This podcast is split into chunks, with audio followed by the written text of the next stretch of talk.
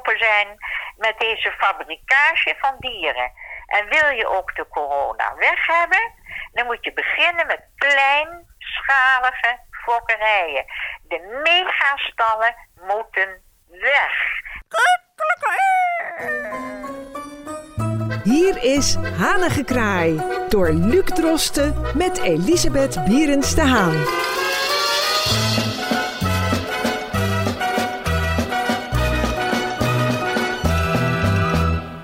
U luistert naar Hanengekraai hier op Amsterdam FM. Mijn naam is Luc Drosten en ik heb wederom aan de telefoon Elisabeth Bierens de Haan...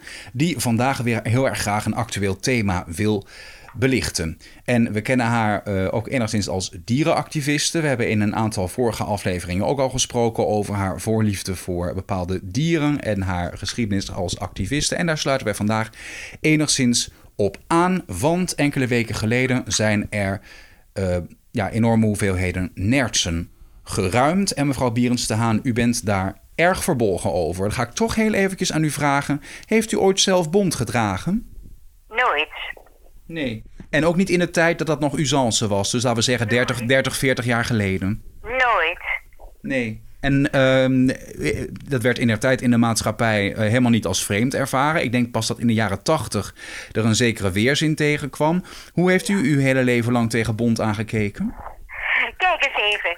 Uh, nu er allemaal vervangende middelen zijn, nylon, kunststoffen, is het totaal niet nodig om daar duizenden dieren aan op te offeren. Wat er nu gebeurd is, is hemelschreiend. Twee grote fabrieken die ergens in het land staan. Die fabrieken die zijn propvol met nertsen. Er wordt gefokt als een gek. In kleine hokjes, het zijn kleine boodschappenmandjes. Daar zitten die nertsen in. Ze zitten de hele dag te krabbelen tegen de ijzeren tralies. Ze moeten fokken en er zitten babynertjes. Die zitten ook in die kleine hokjes, zijn lage hokjes. En de verzorgers, tussen aanhalingstekens, hebben handschoenen aan, want die nertsen hebben hele lange nagels, moet je oppassen. Dus je begrijpt, als dat ruwe kerels zijn, dan knijpen ze zo'n nertsje af en toe fijn. Het is een hemelschrijdend gebeuren dat de overheid heeft gezegd, vier jaar geleden, er komt een verbod op fokkerijen van nertsen. Speciaal van nertsen. Omdat er zijn nertsen vrijgelaten door het Dierenbevrijdingsfonds. En die nertjes die liepen door het bos heen. Oh, oh, oh, wat waren de verzorgers treurig. Oh, ze kunnen zich niet redden. Nou, ze hadden de lol van hun leven, die nertsen, in het grote bos. Ze hebben toch nog nooit zo leuk gehad. En toen heeft de overheid gezegd, weet je wat, we gaan over een jaar of anderhalf, dan is er geen nerts meer, wordt er gefokt.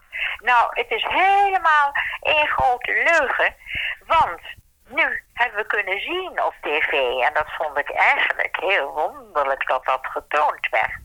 Twee grote fabrieken, vol met boodschappenmandjes met nertsen erin. Die zitten daar dag in, dag uit. Dan worden ze gedood en dan worden ze gestroopt. En je moet even voorstellen wat er gekrijs en wat de ellende daar plaatsvindt. Daarom vindt het ook in een hele dichte fabriek plaats. Want dan horen de omstanders niet het gegil van de dieren. Het is schandalig. Deze concentratiekampen. Niet voor mensen meer, maar misschien heb je ze nog op de aardbol. Deze concentratiekampen voor nertsen, dat moet nu afgelopen zijn. En wat gebeurt er? Wat is er gebeurd? Die nertsen die hebben nu corona. Geen wonder, want ze zitten op elkaar. En de mensen die daar werken, die zijn misschien niet eh, ingesteld op zo'n zo'n coronavirus. Ze hebben niet goede hygiënische maatregelen getroffen. Die hele twee fabrieken die zijn ontruimd. De diertjes zijn vergast. En een vergassing is erg, want het duurt even, anderhalve minuut voordat die beestjes dood zijn. Niemand praat erover. En dan zegt de politiek, mevrouw Scholte heet ze geloof ik, of Schout of Scholte. En die komt dan in een braaf wit jurkje, verpleegsterspakje, komt ze vertellen, ja, we gaan het ontruimen. Nou, moet je luisteren, alsof je een tapijt schoonveegt. Nee, duizenden, duizenden diertjes zijn vergast. En ik vind het een schandaal dat er nog niet een verbod is op nerts. Jongelui dragen geen bont meer. Middenstanders, dus de middenmensen van 40, 50 dragen ook geen bont meer. Bont is uit de tijd. En dat is dierenleed, dierenkwelling. En als je dan dieren zou houden, geef ze dan een ruim hokje. Heb een, een goede omstandigheden. Dit is barbaars. Mijn, mijn vocabulaire is niet toereikend om te vertellen hoe schandelijk ik dit vind. Ja. Dan kan ik alleen maar zeggen, ik heb één ding. Ik heb s'avonds een heel lang gebed gedaan. En gevraagd aan de geestelijke wereld of ze heel gauw die beestjes willen ontvangen in de geestelijke wereld. En dat ze het daar prettig hebben. Maar dat de mens tot zulke dingen in staat is. Om voor elkaar al het leven zuur te maken. Maar dan nog de dieren te gebruiken als... Nou ja, ze worden gewoon geruimd, klaar. Ja. Alsof het niks. En zie je dat onbewogen gezicht van mevrouw Schouten. Ja. Nou, ik zal haar eens in een hokje zetten met tralies. En dan zal ik haar eens de hele dag laten krabbelen met de handjes langs die ijzeren tralies. Dan wil ik eens kijken of ze nog zo blij uit de ogen kijkt. Ja. Dus ik vind deze podcast die we nu doen, die heb ik speciaal, speciaal opgedragen aan al die arme lieve netjes die onnoemelijk veel leed hebben geleden en de mensen, het interesseert ze geen lor. En dan zou ik alleen maar zeggen, kom jongens, waar zijn we? Waar zijn de activisten? Kom, op pad gaan. Waar, hoe gaan we dit aanpakken? En snel, voordat de overheid weer zegt, we hebben in de Achterhoek een heel leuk plaatsje. Varsenveld, er is er nog een stukje weiland. En daar zetten we weer een grote fabriek op. Aan de ene kant varkens op elkaar, aan de andere kant nertsen. Het moet afgelopen zijn met deze fabrikage van dieren. En wil je ook de corona weg hebben, dan moet je beginnen met kleinschalige fokkerijen. De megastallen moeten weg. Niet alleen voor de nertsen, maar voor alle dieren die in een hokje zitten, op elkaar zitten. En die maar moeten fokken. Alleen maar voor het geld. Afgelopen moet het zijn. Ja. Het is jammer, Luc, dat ik 84 ben, maar ik zweer je en ik zeg je. Als ik 20 jaar jonger was, dan ging ik op pad. Met een groot spanbord. Wie volgt mij? En dan gaan we op pad protesteren.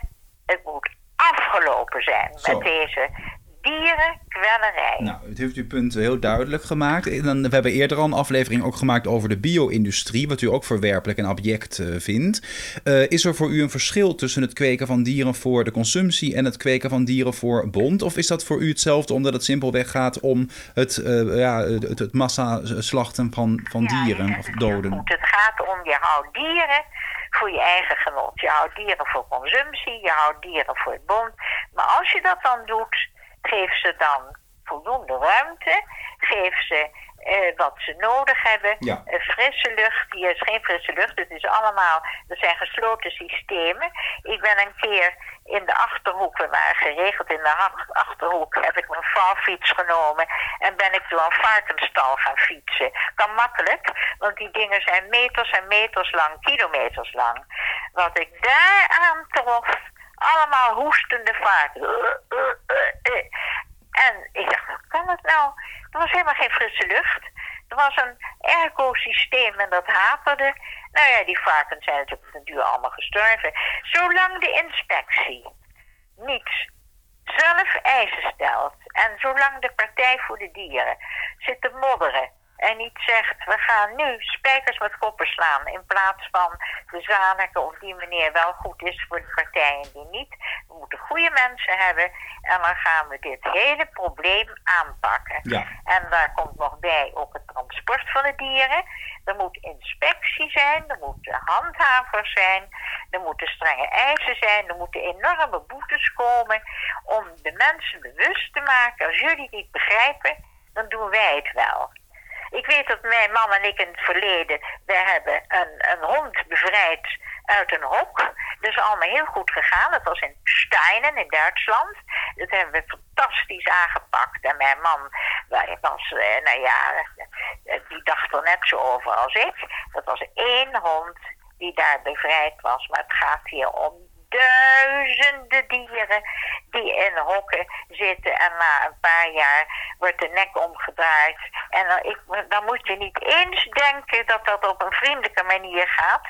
Buitenlands personeel, vaak uit Roemenië, uit Polen. En dat zijn toch zulke vriendelijke mensen voor dieren. En kijk eens even, ik zeg dit keihard, want dit moet veranderen. En als je het niet hard zegt, dan krijg je gewoon slappe koek. En dit is slappe koek. Marijke Helwegen, het zou heerlijk zijn als zij naar deze podcast luisterde. Marijke, sluit je aan bij de actie die ik in mijn hoofd heb. Nertsen. Geen nertsen meer geen fotterijen meer. Nou ja, sterker nog, zowel Marijke Helwegen als ook alle andere luisteraars die zich aangesproken voelen, kunnen uiteraard uh, een e-mail sturen naar hanigekraai.amsterdamfm.nl. En uh, wie weet gebeurt er nog eens wat. Marijke Helwegen heeft ook veel uh, ingangswegen op, op diergebied. Die is heel erg nou ja, die weet ook allerlei kanalen. Dus ik hoop dat ze luistert onder andere. En zo zijn er heel veel luisteraars die luisteren. Wij moeten een heel ander beleid gaan doen. En dat begint ook bij de politiek. Ik heb natuurlijk jarenlang de politiek bestookt met brieven. En dan was ik net een heel eind. Minister Veerman, die zou alles doen. En, en een maand daarna is het hele kabinet vertrokken. Mijn oproep is... Ja het welzijn van de dieren op aarde is totaal in gevaar in alle sectoren. En ook met de transporten, daar praat ik al helemaal niet meer over. Dus dat, dan is het eind zoek. Dan hebben we zeven uit, uitzendingen nodig. Maar wat ik zeg, dat moet afgelopen zijn, wat er nu gebeurt. Nou, het is, het is, het is helder. Mevrouw Bierens te Haan, Volgende week is de uh, laatste aflevering voor de uh, zomerstop. En uh, gezien de coronamaatregelen zullen toch, ondanks het feit dat we ook officieel weer naar het buitenland mogen, veel mensen ervoor kiezen om in eigen land te blijven. En vandaar mijn verzoek aan u om volgende week te komen met uw top 3 aan Nederlandse vakantiebestemmingen. En ik verheug me daarop. Leuk, ik ook, Luc. Dankjewel. En dan spreken wij elkaar volgende week weer. Luisteraars kunnen ondertussen... Volgende week weer. En uh, dank en we zeggen tot de volgende week. En de luisteraars kunnen natuurlijk inderdaad, zoals gezegd, reageren via hanagekraai.amsterdamfm.nl. Alle afleveringen van de podcast zullen natuurlijk ook volgende week eh, online blijven en zijn te vinden via de website van Amsterdam FM. Maar ook uh, op Soundcloud, op iTunes en op Spotify. En we zijn er volgende week dus nog één keer en sluiten dan het seizoen af met de vakantietips van mevrouw Bierens de Haan. Graag tot dan. Uitstekend. Wilt u reageren? Mail naar hanigekraai.amsterdammefm.nl en uw bericht komt terecht bij mevrouw Berends de Haan.